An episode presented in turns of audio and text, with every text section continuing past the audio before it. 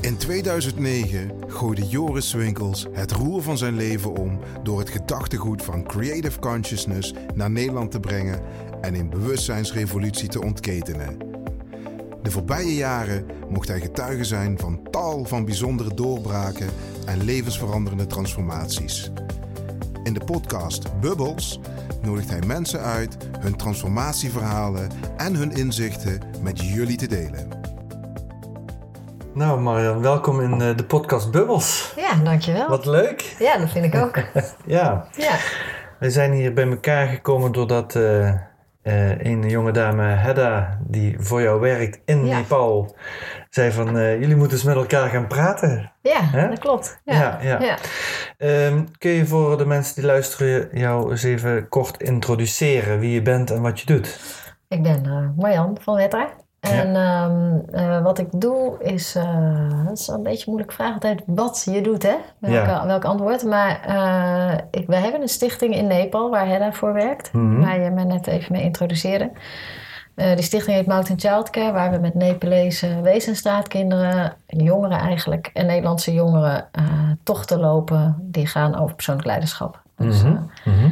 Dat zijn tochten waarbij ze op allerlei manieren uitgedaagd worden om eens dieper te kijken, verder te kijken, zichzelf beter te leren kennen. Ja, Ehm, dus dat doen we in Nepal. Die stichting bestaat al een jaar of eh, acht. En eh, inmiddels zijn we ook in Nederland aan het bouwen om eigenlijk dit soort programma's eh, voor Nederlandse jongeren, scholieren, studenten ook mogelijk te maken. ja, En voor mij gaat dat echt om een grote wezenlijke vraag in het leven, hoe je daar antwoorden op vindt. En ehm, wat voor mij ook voortkomt uit mijn eigen ervaring van eh, tot je dertigste op de universiteit rondlopen en nog nooit een vraag gehad hebben over wat is je missie, wat zijn je kernwaarden, wat wil je eigenlijk met je leven. En, ja, eh, ja.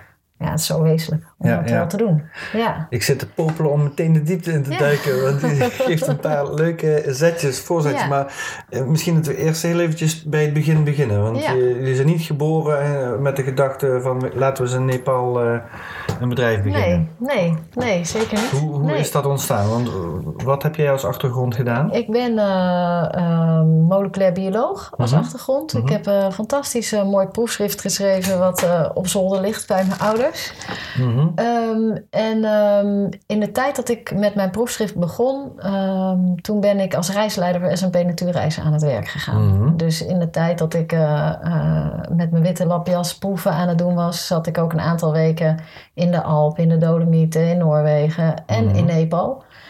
En daar begeleidde ik eh, wandelreizen. En wat ik zo mooi vond om te merken, op het moment dat ik zo'n reis aan het begeleiden was, dan, ja, dan werden al mijn kwaliteiten benut. Met Ja. groepen werken. En ik kwam allemaal mensen tegen die dingen deden waar ik nog nooit van gehoord had. Dus die interesse werd ook gewekt. Ja. Het wandelen, het buiten zijn, in beweging zijn. En ehm, dan ging ik het lab weer in en dan moest die witte lapjas weer aan. En ja, ik ben slim, dus dat was dan de reden om te gaan promoveren. Maar Mhm. echt leuk. Mhm. Ik hang hem eventjes een beetje Ja. zo, want ik hoor hem af en toe kraken. Ja, ik hoorde het ook. Ja, ja. Eh, eh, echt leuk eh, vond ik het niet. Ja. Ehm, dus ik ben tot mijn dertigste eh, heb ik op de universiteit rondgelopen, proefschrift wel afgemaakt. En eh, daarna echt gaan onderzoeken van maar eh, wie ben ik nou? Ik Ja. had een relatie van 15 jaar die ik uitgemaakt heb. Want ik was altijd of Marjan, een van de Van Wetters. Ik ben één uit een gezin van vier. Of Marjan van Frits. Maar ja, wie was ik nou eigenlijk? ja, ja. En wie was jij? Nou, wat ik merkte was, wat, eh, waar ik in ieder geval heel blij van word, is als het echt over de essentie mag gaan. Wat Mhm. ik vroeger eigenlijk als ik in de kroeg stond, als ik een goed gesprek met iemand had gehad, dan had ik de beste avond in de kroeg gehad. Ja, ja. Of als ik heel goed gedanst had, dat was ook Ja. heel fijn natuurlijk. Dus dat bewegen zit erin. Bewegen, dansen, Bewegen, essentie. dansen, essentie en ehm, verbinding. Als, als je, Mhm. ja, ik vind ik, ook alleen al dat, dat ik met jou mag kletsen en dat het Ja. mag gaan over wat, wat me werkelijk bezighoudt. Ja, dat vind ik fantastisch. Ja, ja, ja.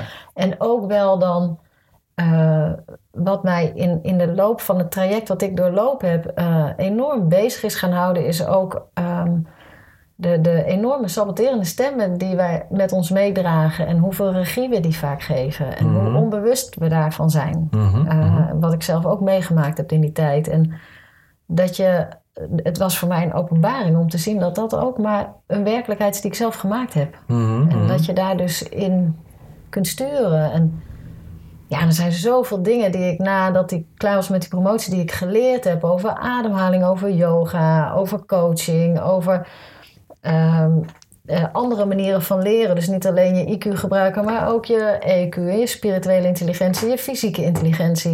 Ik denk van waarom leren we dat niet op school? Mhm. En uh, geef eens een voorbeeld van zo'n uh, fysieke intelligentie. Nou, wat ik fantastisch vind, is ook in mijn, in mijn coaching, maar op de Questrek, dat zijn die tochten die wij lopen, die noemen wij Questreks. Wat, wat we veel gebruiken is eigenlijk de wijsheid van je lijf. En je kunt fysieke intelligentie heel erg invullen als wat je eet en hoe goed je voor jezelf zorgt. Maar wat ik heel mooi vind om te zien aan je lijf.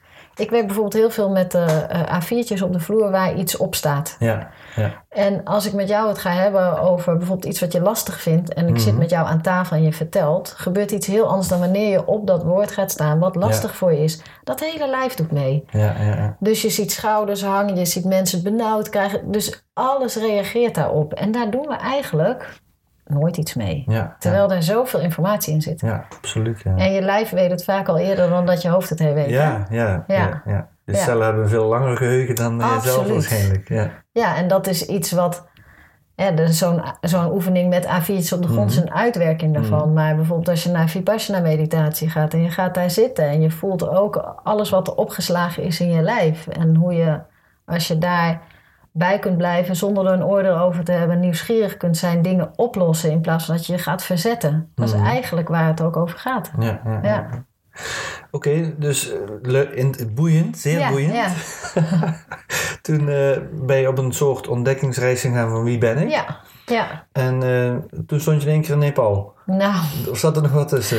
Ik stond wel in één keer in Nepal, want tijdens die ontdekkingsreis eh, heb ik ook een aantal reizen begeleid, waaronder Ja. één in Nepal als reisleider. Maar daar zit een heel stuk tussen met eh, zoeken. En ja, ik was ge- ge- gepromoveerd moleculair bioloog en ik wilde daar helemaal niks meer mee. Dus Ja. hoe ga je dan opnieuw je route vinden? En eh, toen heb ik een aantal, heel veel verschillende dingen, maar een aantal dingen gedaan. Dus een aantal missies Artsen zonder Grenzen. En eh, ik heb bij eh, een hele mooie stichting gewerkt. Die heette op dat moment Echte Welvaart. Dus daar Mhm. heb ik echt geleerd om met mensen in gesprek te gaan op niveau Mhm. van waarde. In plaats van discussie, de dialoog aan te gaan en de Mhm. diepte te zoeken. Nou, dat is voor mij een, een, een- er ging een wereld voor me open ja. gewoon. Ja, ja, ja. Want natuurlijk in de wetenschap is het wit of zwart. En, en nu merk je hoeveel nu- nuances er zijn. En, en, eh, dus eh, Ja. Hoe, hoe kijk je naar wetenschap op dit moment eigenlijk? En, en de wereld die nou ja, toch redelijk veel waarde hecht aan dat, het, dat dingen wetenschappelijk onderbouwd Ja. zijn. En, de- ja, daar heb ik best een dubbele relatie mee, merk ik. Mhm.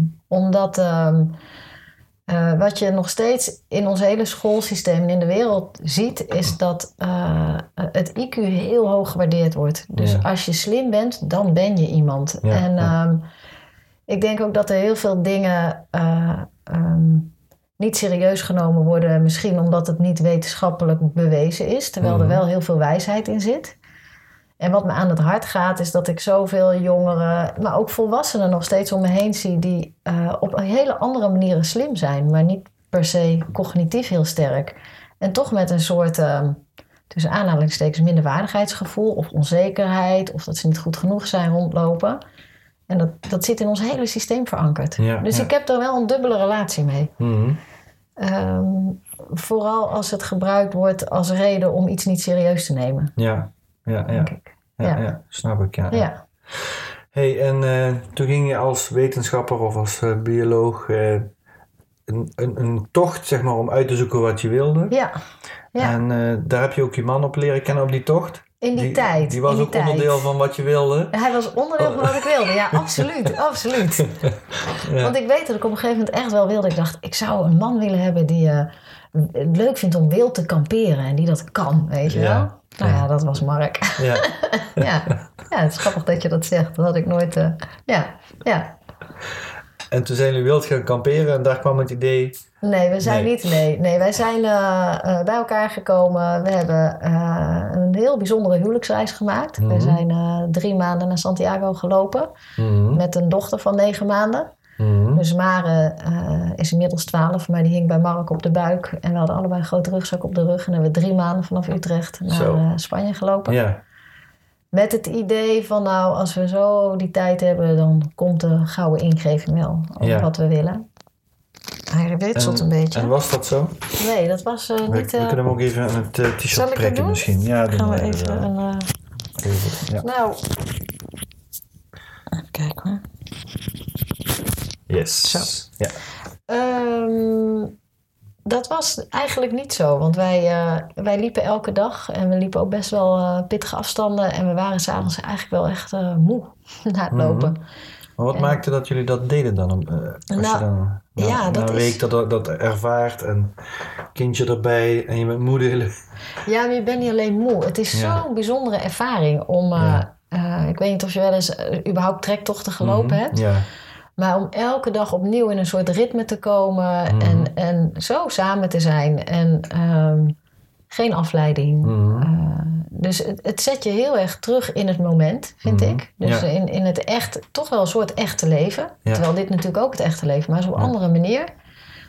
En ehm, wat ik ook zo bijzonder vond om te merken, dat je intuïtie daar sterker van wordt. Op het moment dat je, bij Mark helemaal, dan hadden we ergens, dan gebeurde er weer iets en hij wist precies wie die hulp moest vragen en die hielp ons weer verder. Het was echt zo bijzonder om te ervaren. Dat je in, eh, ja, in, een, in een soort bubbel terechtkomt, ook wel. Mhm. En dat je af en toe het normale leven schampt van mensen in hun werkkleding en die eh, gewoon aan het werk gaan.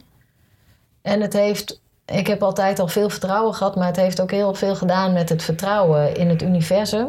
Hè, Mhm. Hulp, eh, maar ook in mensen onderweg. Weet je? Mhm. Het zoveel bijzondere ontmoetingen. Hoe zie je dat? Het, universum en die relatie daarmee en het vertrouwen daarin? Nou, ehm, ik heb wel ergens zo'n zo'n basisgevoel dat als je eh, ehm, iets aan het doen bent wat echt is wie jij bent. Klinkt Ja. misschien een beetje vaag hoor, maar als ik echt aan het doen ben waar ik goed in ben, waar ik plezier aan beleef, waarbij bij ik trouw ben aan hetgeen wat echt belangrijk voor me is. En als daar ook een soort, er is wel een soort moed voor nodig om daarvoor te gaan. Ja, ja, Alsof er dan dingen op zijn plek vallen of zo. Ja, dat is wat ik zelf ervaren heb ja. In ja. mijn leven. Ja. Ja. en wat ik veel meer zie gebeuren om me heen. Mhm, mhm. Ja. Ja, ja. Mooi. Ja, ik kan me daar helemaal in vinden. Ja. Ik vind het leuk om dat te horen, hè, hoe je relatie daarmee is. ja, Ja. De- maar je zou dat, zo'n tocht naar Santiago, Santiago, dat zou je wel iedereen aanraden nog? Ik zou dat zeker iedereen aanraden. ja. Ja, het is, het is zo bijzonder om... eh, we doen het nog steeds met de kinderen. Dat we ook in de winter... Of we hebben deze zomer met drie kinderen... 2,5 week op het pad gelopen. Mhm. We nemen een fietskar mee. Dan kunnen de tenten in. Onze jongste is 6, de oudste is 12. En we hebben nog een meisje van 9 ertussen. En dat je dan gaat lopen en dat je niet weet waar je s'avonds gaat slapen. En je komt in het dorp en je belt ergens aan en je vraagt waar je tent op mag zetten. Ja. En eh, elke dag is een avontuur. Ja, Ah, Ja. Ik vind dat fantastisch. cool. Ja. Ja, Hoe vinden de kinderen dat? Het is heel grappig, want soms dan lopen ze wel eens te stijgeren. Dan gaan we wandelen en onderweg, ja, ze vinden het fantastisch. En ze hebben natuurlijk momenten dat ze er niks aan vinden. Mhm. Maar ja, volgens mij heb je dat op elke vakantie. Mhm. Maar Ja. Ik- ja. Ja. ja, maar het vertrouwen wat je daarmee meegeeft en dat je dan zo'n dag loopt en dat eh, de bakker toevallig met vakantie is en het brood weggegooid en we niks te eten hebben en om half vier ergens aanbellen. En dat er zo'n vrouw de deur open doet en de hele familie uitnodigt en voor iedereen gaat staan koken. Ja, Ja, dat ja, maak je ja. toch niet meer mee. Nee, het is echt nee. heel bijzonder hoor. Ja. Hey, en wanneer is het idee ontstaan eh, van eh, My Child Care? Mountain Child Eh, Care. Mountain Child Care, Childcare. My Quest en Ja. ja, Mountain Child Nou, Mountain Care. Child Care is ontstaan na die tocht naar Santiago. Ja, ja. En ehm, toen hebben we eens een keer met een eh, bevriende yoga-docenten... dacht ik van, volgens mij moeten we eens met haar gaan kletsen. Toen zijn we daar naartoe gegaan en toen vertelde we ons verhaal. En Mark was heel helder over het feit dat hij iets met jongeren wilde. Mhm, We hadden allebei zoiets dat we een tijd in het buitenland wel iets wilden. mhm. Ehm, ja, voor mij moest het gaan over de essentie. En eigenlijk ontstond daar het idee om eh, met Nepalese jongeren ehm, eh, deze tochten te gaan lopen. Ja, En ja. al heel snel in combinatie met Nederlandse jongeren. En, Ja. eh, dus eh, Dus jullie lopen met eh, gemixte groepen? gemengde groepen, Mhm, ja. mhm. ja. En dat zijn, inmiddels werken we al een jaar of twee, bijna drie samen met ook scholen in Nederland. Waarvan Mhm. jongeren dan meegaan naar Nepal. En we dus in combinatiegroepen met Nepalese en Nederlandse jongeren Mhm. werken. En ehm, ja, dat is wel bijzonder wat daar gebeurt. Want je ziet dan dat de grote vragen in het leven universeel zijn. Mhm. Dus die jongeren kampen op een bepaalde manier met dezelfde vragen. Wat zijn de grote vragen in De het leven? grote vragen gaan over, eh, eh, nou misschien ook wel helemaal in essentie, waarom ben ik hier? Ja. Zo zouden ze hem zelf niet stellen, Nee, maar wel over, het gaat vaak over zelfvertrouwen, over twijfelen, o- aan wie ze zijn, over ehm, ehm, wat is belangrijk eigenlijk voor me, welke studiekeuze of welke volgende keuze voor werk ga ik maken. Ehm, En, en dat je dan merkt hoeveel stemmen je in je hoofd hebt die je altijd maar vertellen dat je niet goed genoeg bent. En dat je ziet dat, oh, hij heeft dat dus, ik heb dat, maar hij of zij heeft dat ook. Ja. En eh, dat je dat deelt met elkaar. En zit er dan nog verschil tussen de Nederlandse jongeren en de Nepalese jongeren? Ja, natuurlijk. Ja. Ja. En wat voor, wat voor Nou, opzicht? Er zit natuurlijk heel veel verschil in ehm, eh, de context waarin ze leven. Dus Ja. de kansen die je hebt op een bepaalde manier. En je merkt dat Nepalese jongeren eh, zijn zich veel bewuster. eh, Dat is een andere cultuur in het feit dat zij veel meer op elkaar zijn afgestemd. Wij zijn toch veel meer op onszelf gericht. Mhm. Bij hun zijn relaties nog belangrijker dan bij ons. Als je voor het eerst bijvoorbeeld een groep Nepalese jongeren uit een weeshuis meekrijgt. Ze lijken ook allemaal op elkaar. Zelfde kleren aan. In, de eerste, in eerste instantie geven ze allemaal dezelfde antwoorden op bepaalde Mhm. vragen. Mhm. Dus je eigen identiteit ontwikkelen is daar veel minder gebruikelijk dan bij ons. Hm. Ehm, maar wat je wel merkt, en we hebben natuurlijk ook vooronderzoek gedaan van hè, is ons programma heeft dat toegevoegde waarde voor, eh, voor die Nepalese jongeren, anders moeten we daar niet zijn. Ja, ja. En je merkt, wij werken samen met jongeren die op het punt staan om het weeshuis of het straatjongerenproject weer te gaan verlaten en om op eigen benen te gaan staan. Mhm. En eh, daar zit nog een groot gat, want dat, dat soort programma's hebben ze in Nepal eigenlijk niet. Ja, ja, Eh, ja, die- ja. om die transities goed te maken. Ja. En dan moeten die jongeren toch wel, ze moeten op zichzelf gaan staan. Dus ze kunnen niet met z'n zessen die toekomst eh, vormgeven. Dus iedereen moet dat op zijn eigen manier doen. En Mhm. daarin is ons programma een enorm belangrijke schakel voor Mhm. die jongeren om eerst eens de reis naar binnen te maken. En eh, wat je van iedereen hoort die mee is geweest op Questrek, dat ze hun zelfvertrouwen heel erg vergroot is. En dat ze voor het eerst ook voelen dat ze eh, in de regie zijn op, op, eh, op hun eigen leven. Mhm. Want in Nepal, ja, als je in een weeshuis zit of straatjongerenproject, vaak komt daar geld van buiten. En het doet ook iets met je gevoel van slachtoffer zijn. Weet je, Ja. ik ben zielig, ik krijg Ja. geld. En eh, voor hen is het een verademing om eens te voelen van... hé, hey, maar dat is ook maar een perspectief. Ik kan er ook anders naar kijken. Ja. Ehm, en dat is, dat is vrij nieuw. Ook in Nepal, deze manier van denken. eh, het werk wat we doen komt heel, uit- heel erg vanuit positieve psychologie. Wat niet betekent dat je moeilijkheden uit de weg gaat, maar dat je wel echt kijkt van ja, maar waar zit nou mijn energie, mijn talent, mijn kracht? Eh, wat vind ik leuk om te doen? Mhm. Nou, dat soort dingen. Ja, ja, ja, ja. Hey, ehm, je bespreekt in eh, de podcast nu een aantal keren de punten van als het maar over de essentie gaat. Ja. En dan is de essentie belangrijk. Hè? Ja. V- Ja. Dat begon in de kroeg. Hè? Ja, eh, ja, ja, ja, Al ja. eh, feiten. En eh, als je nu naar jezelf kijkt in je leven op dit moment, wat, wat is voor jou de essentie van het leven? vraag. Ehm, ik heb drie kinderen. Mhm. Mark en ik hebben drie kinderen. Voor mij is de essentie van het leven wel om echt in verbinding te kunnen zijn. Ja. Met hun ook. Mhm. Ik denk als ik ehm, nog zoveel merk, mooi werk in de buitenwereld doe. Maar het gaat. ehm, en, en ik zie mijn kinderen de afgrond in glijden. Mhm. Ja, dan werk ik niet aan de essentie van mijn leven. Dus, ehm, eh, en de essentie van het leven is voor mij, gaat voor mij ook over eh, in, in alles wat ik met andere mensen doe. Ik leer iedere keer mezelf ook opnieuw kennen. Ik weet niet, Mhm. jij hebt ook kinderen? Mhm. In hoeverre je daar continu gespiegeld wordt. en, en de dingen terugkrijgt. Ja, ja. En, ehm, en de essentie voor mij is ook verbinden. Als ik dan in Nepal met zo'n groep ben, ik ben la- laatst met een groep geweest, dan zitten we daar de laatste dag en dan zitten we met z'n allen in een, in een tent in Nepal. En een laatste ronde talking stick. En dat je allemaal verbindt op het mens zijn. Met Mhm. alle lelijke kanten die daar ook bij horen. Maar dat je Mhm. daar eerlijk en open over bent. Mhm. En dat, dat dat gedeeld mag worden. En dat, dat je daarin de verbinding ook kunt vinden om juist weer te kunnen groeien ook.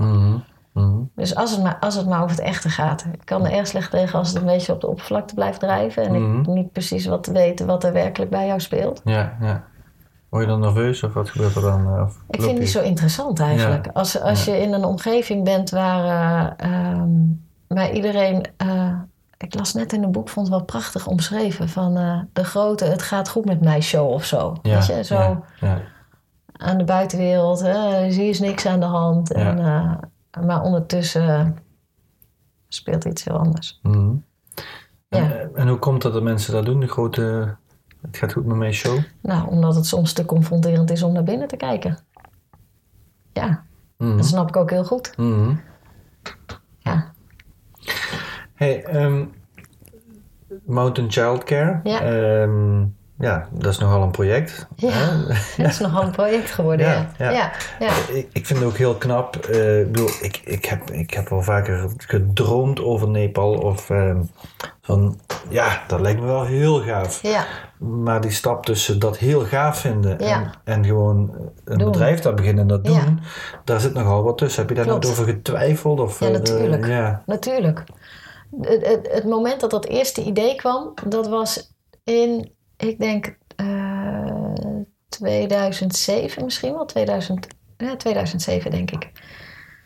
En toen heb ik enorm getwijfeld. En dan Mhm. kom je kritische mensen tegen die de vraag stellen: ja, wat dient dat aan de millennium, wat dient dat de millenniumdoelstellingen? En dan denk ik, ja, dat weet Ja. ik niet. eh. Ja. En ehm, eh, we hadden inmiddels twee kinderen eh, toen we naar Nepal gingen ook. Dat is trouwens nooit echt een issue geweest. We hadden allebei zoiets van, we gaan gewoon mee. Ja. Ehm voor mij heeft het een tijd geduurd. Ik heb dat wel een tijd moeten laten sudderen. En we werden in die tussentijd, toen we over Mountain Childcare, hadden we toen nog geen naam voor. Maar aan denken waren gevraagd voor een project in India. Mhm. Waar alles betaald was, alles was geregeld. We zijn ook nog naar India geweest om een, een week om daar onderzoek te doen over wat we daar zouden gaan doen. En, eh, en een week voordat we naar India zouden vliegen, werd ons visum geweigerd. En dan stonden we op straat, huis verhuurd, banen opgezegd. En, eh, en dat was een fantastische periode. Dat is ook zo grappig, hè? Want we waren Ja. hartstikke vrij. Ik was Ja. zeven maanden zwanger van de middelste. Ja. En we hebben een hele voorjaar hier een beetje zo rond, eh, eh, nou, eh, nou, niet gehangen, maar we hadden heel veel tijd met z'n drieën. Ja. Ehm, en toen is Mark nog wel een jaar bezig geweest met dat visum voor India. Nooit gekregen, nooit antwoord gekregen. En toen we uiteindelijk ook echt besloten van dat gaan we niet doen, zaten we een paar maanden later zaten we in Nepal. Ja. En dat was de tijd die ik wel nodig had. Er- er, moest ja. bij mij echt iets gebeuren om te denken, ja, we gaan dit gewoon doen. Je moet klaar worden voor zo'n idee. het- de timing moet juist zijn of Ja, zo. Ja, ja. Mhm. En dat vind ik ook zo mooi. Zo, wat ik net zei, een beetje over dat universum. Dat we, nou, alles stond op groen om naar India te gaan. En een week voor vertrek werd het visum geweigerd. Ja, ja. En ja, dat, denk ik ook. Dat is ook niet voor niks. Ja, weet je? En dan je een paar maanden later eh, is Mountain Childcare daar. Ja, Ja, ja. Dus, ook eh, heel mooi zeg. Ja. dus dat... eh, Nou, ja. Ja. Zeg, en hoe ben je toen bij MyQuest gekomen? Nou, wij zijn eigenlijk vanaf het begin af aan hadden we, toen we met Mountain Childcare begonnen, hadden we ook zoiets van, ja, dit willen we uiteindelijk ook in, in Nederland gaan doen. We hebben ook drie kindjes, die moeten uiteindelijk allemaal naar school. maar ook omdat het eh, zo'n bijzonder programma is, dat je denkt van, ja, maar dit moet gewoon voor Nederlandse jongeren net zo toegankelijk zijn. Mhm. En ehm, toen zijn we nou ongeveer drie jaar geleden, twee jaar geleden echt wel serieus, maar drie jaar geleden begonnen met, eh met MyQuest. Waar we met Nederlandse scholen samenwerken en een missie hebben om in het onderwijs dit soort programma's eh, te integreren. Mhm. Omdat het voor mij ook terugkijkend en ook als ik zie hè, op school, ik heb nou zelf kinderen en ehm, eh, dat het zo'n essentieel onderdeel is van je onderwijs om op eh, eh, een hele andere manier naar jezelf te leren kijken. Mhm, mhm. Niet dat je daarmee een geplaveid leven voor je hebt, maar wel dat je de tools in handen krijgt om de weg terug te vinden naar jezelf. Ja. En dus MyQuest gaat echt over in het onderwijs persoonlijk leiderschap een plek geven. Mhm. Persoonlijke ontwikkeling, persoonlijk leiderschap. En dan niet met het hoofd, echt door ervaringsgericht te werken. Mhm. En we kregen een tijd geleden van eh, een, een HR-directeur van het uh, Deltion College ook zo'n mooie compliment. Hij zei, eh, wij werken met theorie U namelijk. Dat Ja. is een manier waarbij je, of een model eh, van Otto Scharmer... wat Mhm. gaat over grote veranderingen eh, binnen organisaties... maar eigenlijk ook binnen jezelf. En hij zegt van, ja, jullie doorlopen de U werkelijk. Omdat we Ja. zijn buiten, we zijn in de natuur... Ehm, het werk in een groep is essentieel daarvoor, omdat je zoveel leert van wat er in een groep gebeurt Mhm. erkenning. eh, en ook het bekrachtigen van elkaar. Ehm, even kijken, wat was je vraag? Waar waren we, waar waren we Hoe, hoe MyQuest was ontstaan? eh? Ja, dus dat we... eh, oh ja, dus van, vandaar dat onderwijs. Dus vanuit Mountain het gedachtegoed. En, Mhm. en toen al eigenlijk in het begin besloten... dit willen we ook in Nederland. ja, ja. En, Dus, dus de, de, de, de tracks zijn eh, een beetje hetzelfde, alleen zijn Ja. ze in Nederland. Ja, we lopen in de Mhm. Achterhoek bijvoorbeeld, rondom Mhm. Winterswijk. Maar wat we ook met scholen doen, dat is ook wel bijzonder. Kijk, ik heb aardig wat tochten ook rondom Winterswijk gelopen. En het programma is echt net zo goed. En Ja. het is net zo intensief en net zo transformatief. Maar het is niet zo sexy, hè? Om Mhm. als eh, eh, scholier te zeggen, ja, ik ga naar Winterswijk. Ja. Dus we werken sinds twee jaar met bijvoorbeeld, bijvoorbeeld Aventus Collation, ROC in Apeldoorn. En eh, ja, die scholieren die gaan als eh, onderdeel van het curriculum of LOB Plus... gaan ze naar Nepal op quest met Nepalese jongeren. Dus Mhm. maken we gemengde groepen half-half. Ja, dat klinkt wel heel cool En dat is natuurlijk heel cool. Ja. En, en het Ja. is ook heel bijzonder. Maar ik, de, ik, ik ben een, het, het programma is niet per se beter. Nee. Het nee. heeft wel andere, eh, sorry, andere invalshoeken, omdat je dat culturele aspect meeneemt. Mensen zijn volledig uit hun comfortzone. ja, ja. eh, dus daar zitten ook pluspunten aan. Maar er zitten ook pluspunten aan als je rondom Winterswijk loopt. Ja. Maar ehm, ja, het is mooi dat het project voor die jongeren, die, die scholieren die naar Nepal gaan, dat begint dan al, of ook in de Achterhoek kan dat net zo, dat begint echt al maanden voordat ze gaan. Omdat ze Mhm. hun eigen geld en het geld Mhm. de Nepalese jongeren op gaan halen door levensechte opdrachten te gaan doen. Ja. Dus eh, ja, ze komen heel erg in hun creativiteit Ja. daarvoor. Ja, ja. Ja. ja, ja. En kun je zo'n... eh, hoe lang duren die trajecten? Nou, in- kijk, zo'n traject duurt, de questtrek zelf duurt zes maanden, zes dagen. Zes dagen, ja. Maar het traject, eh, bijvoorbeeld bij Aventus, dan beginnen ze in september met vertellen wat, wat ze gaan doen. En vanaf september werken ze eerst met sterke puntentest, dus talenten testen. En dan gaan ze, krijgen ze een aantal masterclasses over hoe ze hun sponsgeld bij elkaar kunnen halen, hoe ze hun talenten in kunnen Mhm. zetten. En dan Mhm. gaan ze zo in het jaar daarop in april, mei op Questrek. En dan zitten er ook nog eh, eh, drie terugkomdagen aan vast tribe sessies om, ja weet je, je bent daar geweest, maar hoe ga je dat dan Ja. integreren in je dagelijks leven? Ja, ja, ja. ja. Dus dat is echt een hele belangrijke stap. Ja, Dat hebben we in Nepal ook voor de Nepalese jongeren. Die hebben zes terugkomdagen. Uh, en bij ons eh, in Nederland drie. Mooi, mooi. Ja, Hey, en kun je eens een beetje beschrijven hoe zo'n proces eruit ziet, zo'n week? zo'n week, ja. Nou, zo'n week eh, begint natuurlijk eerst al met je eigen, überhaupt je persoonlijke vraag. Van met welke vragen ben ik hier? Dus Mhm. zit persoonlijke intake in. En eh, een introductie, dus dat is nog voordat ze Mhm. met, met de groep de berg ingaan. Een introductie met de Nepalese jongeren, bijvoorbeeld als je naar Nepal gaat. Want Ja. dan ontmoet je Ja. elkaar al van, goh, met wie ga ik dan op pad? En, Ja. eh, en dan begint eh, s ochtends vroeg op dag één eh, de tocht. En de eerste dag gaat eigenlijk vooral over opnieuw terugkijken in je leven. Mhm. En eh, in periodes van zeven jaar. En, Mhm. ehm, eh, en dat is ook echt van, van 0 tot 7, van 7 tot 14. En je merkt als je zo structureel terugkijkt in je leven, Mhm. dat je andere dingen tegenkomt dan wanneer ik jou vertel, goh, vertel eens iets over, Ja. schrijf eens een biografie of Ja, dat ja, soort dingen. En dat delen we dan al eh, in de coachgroep. Dus op die manier leer je elkaars levensverhalen kennen. Ja, ja. Ehm, dus dag 1 gaat over eh, ook, ook meer open mind. Weer eens opnieuw je oordeel Mhm. opschorten, opnieuw kijken, eh, delen met elkaar. Nou, als ik jouw levensverhaal hoor, dan verbind ik me al zoveel makkelijker met jou. Ja. Als ik weet van, oh, Ja, ja. zo zit dat. Daar kom jij vandaan. Ja. En dat is een hele belangrijke basis voor de rest van het programma. Dus daar wordt het eerste zaadje gelegd. Mhm.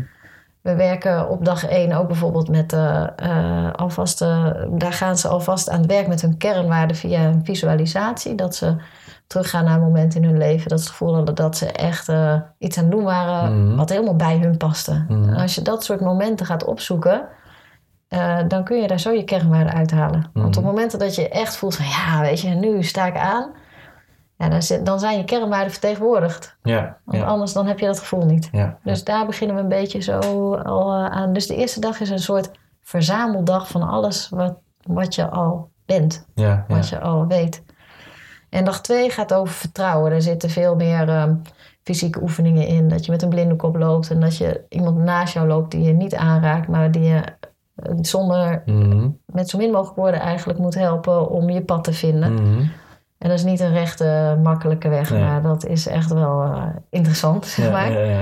En dat is ook het eerste moment dat we eh, de Nepalese jongeren en de Nederlandse jongeren koppelen. Dat doen we op dag één zien ze elkaar ook, maar die levensverhalen delen doen we toch in je eigen taal. Aan de ene kant is dat jammer, want het is natuurlijk heel interessant om al die levensverhalen te horen. Maar dan is taal wel een barrière. Ja, kan me voorstellen. ja. Ehm, en de, ja, daar zitten heel veel oefeningen bij die echt gaan over vertrouwen.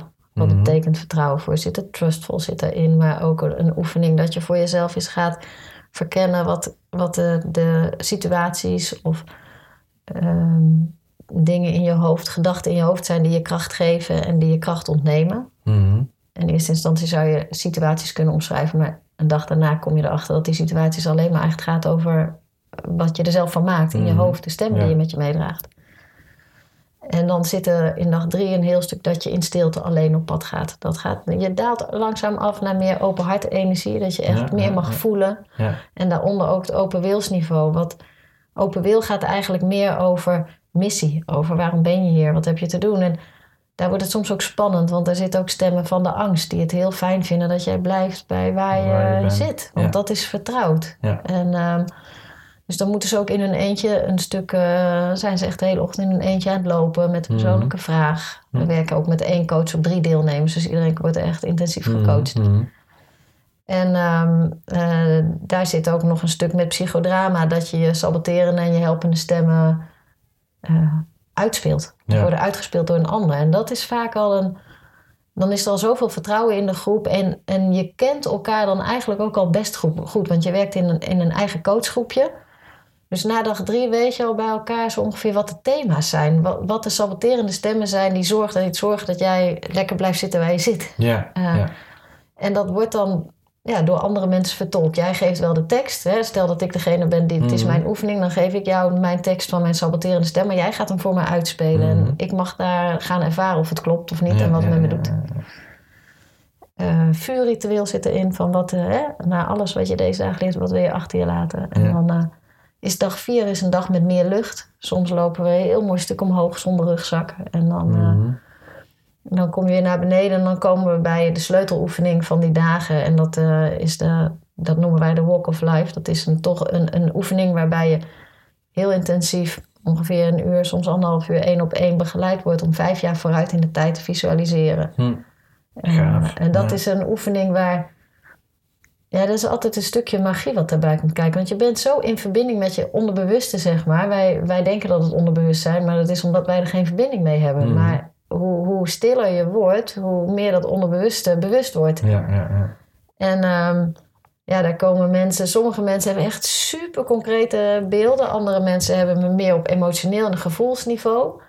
Maar er komen hele concrete verhalen uit waar Mhm. iemand over vijf jaar wil zijn. En we hebben nu inmiddels natuurlijk, ja, we zijn acht jaar verder, dus we hebben heel wat mensen die die vijf jaar al volgemaakt hebben. ja. En nou, daar klopt eh, opzienbarend Ja? veel van, Ja. van wat mensen daar in, de, in, in gang hebben gezet. ja. Dus het gaat ook over energie die je in gang zet. Hè? Ja. ja. Gaaf, gaaf traject, er Ja. zit veel in. Er zit heel veel in. Ja. En dan de laatste dag eh, is eh, afdalen naar het gewone leven. Dus ook echt Ja. vragen van ja, nu daal je af. En er zit Mhm. nog, eh, zitten nog heel veel oefeningen in die gaan over bekrachtigen, fluistercirkel. Ja, het is gewoon een mooi programma. Mooi, Elke hè? avond talking stick. En, Ja. Ja. ja, Ja, ja. ja, ja, Leuk, leuk, hele inspirerende dingen. ja. Als je, als je nu kijkt naar alle dingen die je doet hè, in het buitenland en, en in Nederland, ehm, ja, eh, voel je van nou, dit kan ik blijven doen tot het einde van mijn leven? Of, of voel je van nou, er zit nog, ik zou nog iets willen uitbreiden of nog iets willen anders gaan doen? Of, Dat is een leuke vraag. Dat is een heel leuke vraag. Kijk, ik denk dat ik, als ik gewoon fit ben, die Questrex, die kan ik volgens mij echt eh, qua. Wat, we hadden het zo'n mooi gesprek in het begin, hè? Het levert mij ook zoveel op. Ja. Ik kom altijd echt vervuld, eh, met een open hart en, eh, eh, en vol liefde kom ik weer thuis. Dus Ja. dat is natuurlijk voor mij ook heel fijn Ja. om in te zijn. En we hebben wel een missie om binnen dat onderwijs veel meer Mhm. ehm, eh, impact te hebben. Dus om Mhm. ook docenten mee te nemen. In, al gaan we eerst, we zijn nu een aantal trainingen op aan het zetten voor docenten. Om, Mhm. om veel meer dat positief gericht onderwijs geven. En veel meer vanuit speelsheid en, en met alle kennis die wij hebben. En we hebben natuurlijk ook een aantal docenten aan boord om te kijken van hè, wat kun je daar ook mee in de klas Ja, ja. al doen. Ja, gaaf. Eh, dus dat. En eh Questrex voor docenten. Ja, laat, laat het onderwijs maar eh, ehm, ja, mee profiteren van wat wij weten. Ja, ja. als en docent het zelf doet of Ja, kent, dan ja. kan die het ook overbrengen natuurlijk in zijn... Nou ja, wat ik mooi vind bij bijvoorbeeld de Aventus, we werken ook met Saxion en met Deltion College, maar bij Aventus is het begonnen vanuit twee docenten die dachten, Mhm. ja, maar dit is wat we willen. ja, ja. Dus ja, En wat is de leeftijd van de jongeren die meegaan? tussen de 17 en 23. Mhm. Ja, Weet je, als iemand 5, 26 is, kan die ook mee. Ehm, maar dat is de, de leeftijdsgroep waar we de, de focus op hebben. Want je merkt ook, we zijn in Nepal eerst begonnen met een jongere doelgroep, 14, 15, 16. Er zijn een aantal dingen. Het heeft te maken met de, de rijping van je hersenen, de prefrontale cortex, die, die nog niet voldoende gerijpt is eh, op die leeftijd. Want je moet kunnen reflecteren op je eigen gedrag. En het, je hebt ook een soort urgentie nodig om, deze, om zo'n reis te maken. Mhm. Er moeten een aantal vragen latent al wel aanwezig zijn. En dat gebeurt op momenten dat je in transitie bent. Ja, Als ik weer een nieuwe stap moet gaan maken, studie, werk. Eh, nou ja, of als ik in scheiding lig. Ik bedoel, we hebben natuurlijk ook heel veel Mhm. met volwassenen inmiddels gewerkt. Ehm, dat, je hebt, waar, waar ons programma heel sterk in is, is als je eh, in transitie zit. ja. En Ja. eigenlijk maakt het niet uit voor welke Wat leeftijd. voor- nee, het nee. maakt eigenlijk niks Ja, uit. ja, ja. Zeg, als je nu kijkt naar ehm, om je heen kijkt, hè, Ja. dan wonen heel veel mensen hier hè, die Ja. allemaal bezig zijn met iets. Ja, ehm, dan spring je daar wel een beetje uit. Eh, tenminste, niet, hè, eh, niet dat. eh, maar niet iedereen die doet de dingen die jij doet. Nee. He- heb je daar ook nog een behoefte in om mensen daarin te inspireren, om buiten hun box te gaan of eh, buiten de kaders te denken of ook Ja. terug naar die essentie te gaan? Of, ik, ik denk dat we dat heel erg doen in het werk dat we doen. Ja. Met, eh, eh, hè, als je met ons meegaat, dan, dan kun je daar zeker van zijn. Ja, ja. Ehm, En ik denk dat het alleen al in onze omgeving dat wij dit soort dingen doen, dat, dat het mensen aan het denken zet. ja, precies. En ja, ik coach ook wel mensen eh, individueel. Ja, Dat is ook fantastisch, al vind ik een kwesttrekbegeleider nog tien keer Ja, leuker. ja, ja, ja. Eh, ehm, dus ja, we, we maken geen gebruikelijke keuzes. Wat jij zegt, je komt hier binnenlopen, zo met hoeveel mensen woon je hier, weet ja, je wel? precies. Ja. Ehm, eh, we wonen dus in een klein huis met vijf mensen. Maar we hebben het ontzettend fijn hier met elkaar. En we hebben bijvoorbeeld geen auto. En, dus Ja. er zijn een aantal keuzes die wij gemaakt hebben die onconventioneel zijn. Ja, Eh, en dat is wel heel prettig om dat samen te kunnen doen. Het is niet Mhm. altijd makkelijk om met je partner samen te werken. Sommige mensen denken Mhm. wel van jeetje, hoe doe je dat? ja, Eh, maar het is ook zo fijn omdat we toch wel andere keuzes gemaakt hebben. Ik bedoel dat onze kinderen, Mare en Kieke, die zijn twaalf keer op en af die bergen geweest. Ja, Ja, als ja, een ja. van ons tweeën dat niet gewild had, dan had dat nooit gekund. nee, nee. En inmiddels hebben we de, de 80ste questtrek eh, zo ongeveer gelopen Zo, in, in Nepal en Nederland. Dus Ja. ja. Dus we hebben elkaar daar wel in nodig Ja, dat geloof ik. Ja, om dat ja. te kunnen. Ja. Maar ik, ik voel ook wel dat je daarin een inspiratie bent voor een grotere groep mensen dan alleen de mensen die meegaan Ja. eh, daarin. Ja. Ja. Nou, dat is ook, jij vroeg volgende stap. Een volgende stap voor mij zou ook zijn, eh, en dat is iets waar ik al lang over aan het denken ben, en dat vind ik natuurlijk weer spannend, Ja, om veel meer ons verhaal te gaan vertellen. Ja. Eh, ehm, omdat, ja, dat inspireert om ook eens opnieuw stil te gaan staan bij eh, de keuzes die je maakt. Ja, en, ja. ja, dat, ik, ik vind het ook fantastisch om te vertellen Ja. over wat we doen. Ja. Eh, ja. ja maar dat, dat is ook inspirerend, denk ik. Ja. Ik denk dat het heel makkelijk is voor, eh, voor onszelf ook, denk ik. Maar dat je makkelijk in een bepaald cirkeltje draait en Ja. dat dingen lopen zoals ze lopen. Ja. Als je dan ineens een verhaal hoort van iemand die dat helemaal anders doet. ja, Oh, dan, dat is een momentje dat je eventjes een stukje zelfreflectie Ja. kan doen. Van, oh, maar wat is mijn essentie eigenlijk? Ja. En eh, waarvoor ben ik hier? Ja, En ben ik eigenlijk hier om eh, nou, dat te doen wat ik nu aan het doen ben? Ja. En hoe gelukkig word ik daarvan? ja. En, nou ja, en daar ontstaat mogelijk de behoefte uit om je leven wat meer eh, in lijn te brengen met je essentie. Ja, precies. Ja, Dat is ja. mooi. Wat ik heel mooi vind daarin is één oefening die we doen. En eh, er zijn eh, verschillende organisaties die die oefening doen. Dus zo bijzonder is het niet. Maar eh, het is de trustful dat je je achterover laat vallen en opgevangen wordt. Maar wat ik zo mooi vind in wat in die oefening zit, is dat het over vertrouwen en lef gaat. Ja, En die twee gaan hand in hand. Dus Mhm. ook met grote veranderingen in je leven. Hè, je kunt geïnspireerd worden. Je hebt vertrouwen en lef nodig. Mhm. Eh, eh, het vertrouwen dat, dat, dat je ergens wel opgevangen tussen aanhalingstekens wordt. ja, Maar ook het lef om de eerste stap te zetten. ja. En ehm, voor mij is bijvoorbeeld de tocht naar Santiago ook zo'n enorme eh, voorbeeld van ehm, vertrouwen en lef. En Ja. van een eerste stap zetten. Weet je, als wij die eerste stap hier nooit uit de deur hadden gezet, waren we nooit gegaan. ja. Lef, vertrouwen en een eerste stap zetten. Ja, ja, ja. Ja. leuk. ja, Mooie, mooie titel voor een boek. Ja.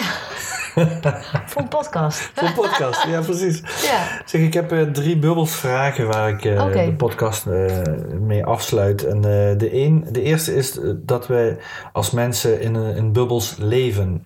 Hè, onze overtuigingen, ons beeld Ja. van de wereld, ons beeld van onszelf. ja, Ehm, en dat is meestal niet de complete waarheid, of in ieder geval een beperkte versie van de werkelijkheid. ja, En dan gebeurt er iets, soms iets eh, heel vervelends, maar Ja. soms ook een, eh, een transformatief moment of een training of een inzicht. Ja. Of een, en dan wordt zo'n bubbel doorgeprikt en in één keer gaat er een hele wereld open. Ja. Ja. Als je naar jouw leven kijkt, wat waren voor jou, of wat was voor jou een grote bubbel Die, eh, Ehm, die gesprongen die is? gesprongen is. Ehm, ik weet dat ik heel lang rondgelopen heb. Ook toen ik, nadat ik mijn promotie heb afgerond, ben ik op wereldreis gegaan. Eigenlijk ging ik alleen maar naar Nepal en India en Vietnam ongeveer. En toen heb ik heel lang geworsteld met de vraag: moet ik een carrièrebaan gaan zoeken of ga ik mijn hart volgen? En ineens was die vraag weg Ja. en was het helder. Dus dat was een bubbel voor mij. Maar een, en, en een enorme bubbel was in die tijd ging ik voor het eerst Vipassana meditatie doen. En daar kreeg ik ook zo'n soort in, nou niet zo'n soort, daar kreeg ik het inzicht dat de enige die verantwoordelijk voor mijn leven is dat ik dat ben. Ja, ja. Dus dat ik niemand anders de schuld kan Ja. geven ergens van. Ja. Nou, dat was voor mij ook echt een mega inzicht. Oh my god. Ja. Ja. dus dat, dat waren wel. eh, Geen wel overheden, bubbels. niet de Ik kan- Ziggo ik van het internet, nee, niet niemand. ouders, niet... Ook niet mijn vriendje Dit, of eh, eh, niemand. Hm. En dat wil niet zeggen dat ik nooit Marcus een keer ergens de schuld van geef. Of, maar in essentie het gevoel hebben van... ik ben de enige die verantwoordelijk is voor mijn Ja. eigen leven. En nu natuurlijk ook voor het leven van mijn kinderen. Maar dat was voor mij echt wel een transformatief moment. Ja, ja, ja. ja. Hey, eh, nog, nog even een andere vraag tussendoor. We zijn bij elkaar gekomen via Hedda, hè, die Ja. bij jou werkt en eh, in Nepal de Ja. quest doet hè, met de jongeren. Ehm, eh, zij heeft bij ons de coachopleiding gevolgd. Ja. Hè, en ehm, je, je hebt zelf de Crave Consciousness training niet gedaan, Nee. maar, eh, maar jullie doen wel heel veel dingen die er heel dichtbij eh, Ja. liggen. ja, Wat, wat zijn, wat, als je nou een beeld hebt van de Creative Consciousness, ja. wat eh, kun jij als zijnde het niet gevolgd hebben, maar wel Hedda gezien hebben? Wat, wat voor beeld heb je van Creative Ja, dat Consciousness? is mooi dat, eh, dat je dat vraagt. Ik zie, eh, ik zie dat eh, aan Hedda bijvoorbeeld, hè, wat ik jou al eerder vertelde, ik zie dat ze ehm, eh, veel zachter geworden is. Mhm. Hedda is uh, topstennister geweest, dus altijd echt doorzetten Dreven, en tre- gedreven. Ja, en, hoog leggen. en er is zo'n rijkwijde bijgekomen, zeg maar. Ik vond het mooi tijdens de coachopleiding die ik ooit gedaan heb. Hadden ze een mooi voorbeeld dat, eh, dat je bent als een piano en je bent normaal gewend om een paar toetsen te spelen, want die speel Ja. je altijd. Maar je hebt een enorme rijkwijde en dat Ja. zie ik bij Hedda enorm erbij gekomen. Dus die, die zachtheid, maar ook die stevigheid en te gaan staan. Eh, zij geeft 's ochtends de yogalessen. Nou, dat doet ze echt zo mooi, zo aanwezig. En, ehm, ehm, dus ik zie eh, een hele hoop zachtheid en een hoop stevigheid, maar die niet komt vanuit en ik moet doorzetten en Mhm. het moet, maar veel Mhm. meer vanuit hier sta ik voor en dit is belangrijk voor me. Mhm, Dus mhm. dat is echt een shift die ze gemaakt heeft. En ik denk eh, in, een, in een stuk traumaverwerking dat er heel veel opgelost is Ja, ja, door die opleiding bij jullie te doen. Ja. En was dat, wat was de reden om haar, eh, om, om dat ook te, te sponsoren, zeg maar, voor haar? Ehm, ehm, omdat het, ja, Mark heeft dat, eh, ik wist het in eerste instantie helemaal niet, dus Mark Ja. heeft dat eh, eh, geregeld. En ik, ja, ik vind het zo belangrijk dat je kunt blijven groeien. Ja, ja, En helemaal, kijk, ik ben ook ZZP'er en zij is dan wel in dienst bij ons. Maar wij zijn geen rijke bedrijf wat zegt, joh, hier heb je opleidingsbudget en ga maar even. Ja. Dus de kansen hebben om je te blijven ontwikkelen ja, ja, en te blijven leren, dat is ook waar je de energie vandaan haalt om weer iets door te geven. ja, ja. Dus ja, essentieel Ja, ook. Ja, dat vind ik, eh, ben ik helemaal met je eens daarin. Ja. Hey, een andere bubbelvraag is, eh, gaat over eh, bubbly energy. Ja, wat doe jij om je energie zeg maar op peil te houden? ja. Ja, ik denk eh, ik wel een beetje een idee heb. Ja, nou, ik, ja, ik, ik sta s ochtends om kwart voor zes gaat de wekker. En dan sta ik om zes uur in de yogaschool. Oké. En dan doe ik mijn yoga practice en dan ben ik om acht uur ongeveer weer thuis. En Ja. dan eh, draai ik hier in het gezin mee. En dat doe ik vijf keer, vijf ochtenden in de week. Dus, eh, Vijf keer yoga ook in de ochtend. Zo. Ja, ja. En dan eh, is voor jou de hele dag... Ja, dat is wel, Ik heb periodes dat het of yoga of meditatie is. Want ik heb ook al veel vipassana mee gedaan. En nu is Mhm. het de periode weer yoga. En ehm, eh, ik merk dat eh, dan mijn lijf heeft dan geen vragen meer. Dat is oké. En Ja, mijn hoofd ja. is veel rustiger. Dus veel Ja. helderder. En ik ben gewoon wakker. In plaats van dat je nog wakker wordt en denkt... Oh, ik ben nog niet helemaal uh, geland. Ja. En natuurlijk denk ik echt wel eens om kwart voor zes die wekker gaat van... Oh man. En ik Mhm. geniet enorm van uitslapen in het weekend. Tot negen uur. Dat is echt uitslapen. Maar eh, ehm, ja, dat doet me echt goed. Ja, Hey, de laatste vraag die gaat over de bubbels uit de champagne, over het proosten. Waar ben je, als je terugkijkt naar je leven, waar ben je het meest trots op van jezelf? Mooie vraag. Ehm, ik ben het meest trots op het feit dat ik het lef heb gehad om mijn eigen keuzes te gaan maken. Nou, mag ik daar... ja. oh, ja? Ja. Leg- eh, Ja, om, die, om dus na dat promotieonderzoek om... Er was ook geen andere optie. Ik bedoel, ik zat zo vast voor Ja. mijn gevoel. Maar dat ik die keus gemaakt heb en de vrijheid die ik daar elke dag in ervaar... eh, ja, dat is echt zo... Daar ben ik echt heel trots op. Ja, nou, Ja. dat vind ik een hele mooie afsluiter. Ja, Mag ik jou bedanken voor deze podcast? ja jij ook. Heel erg bedankt. Ik vond het erg leuk. Dankjewel. Ben jij ook toe aan een bruisender leven of een bubbelende business en denk dat Joris daarin kan helpen? Bezoek dan onze website. Neem contact op via www.bubbles.cc. Tot de volgende bubbels.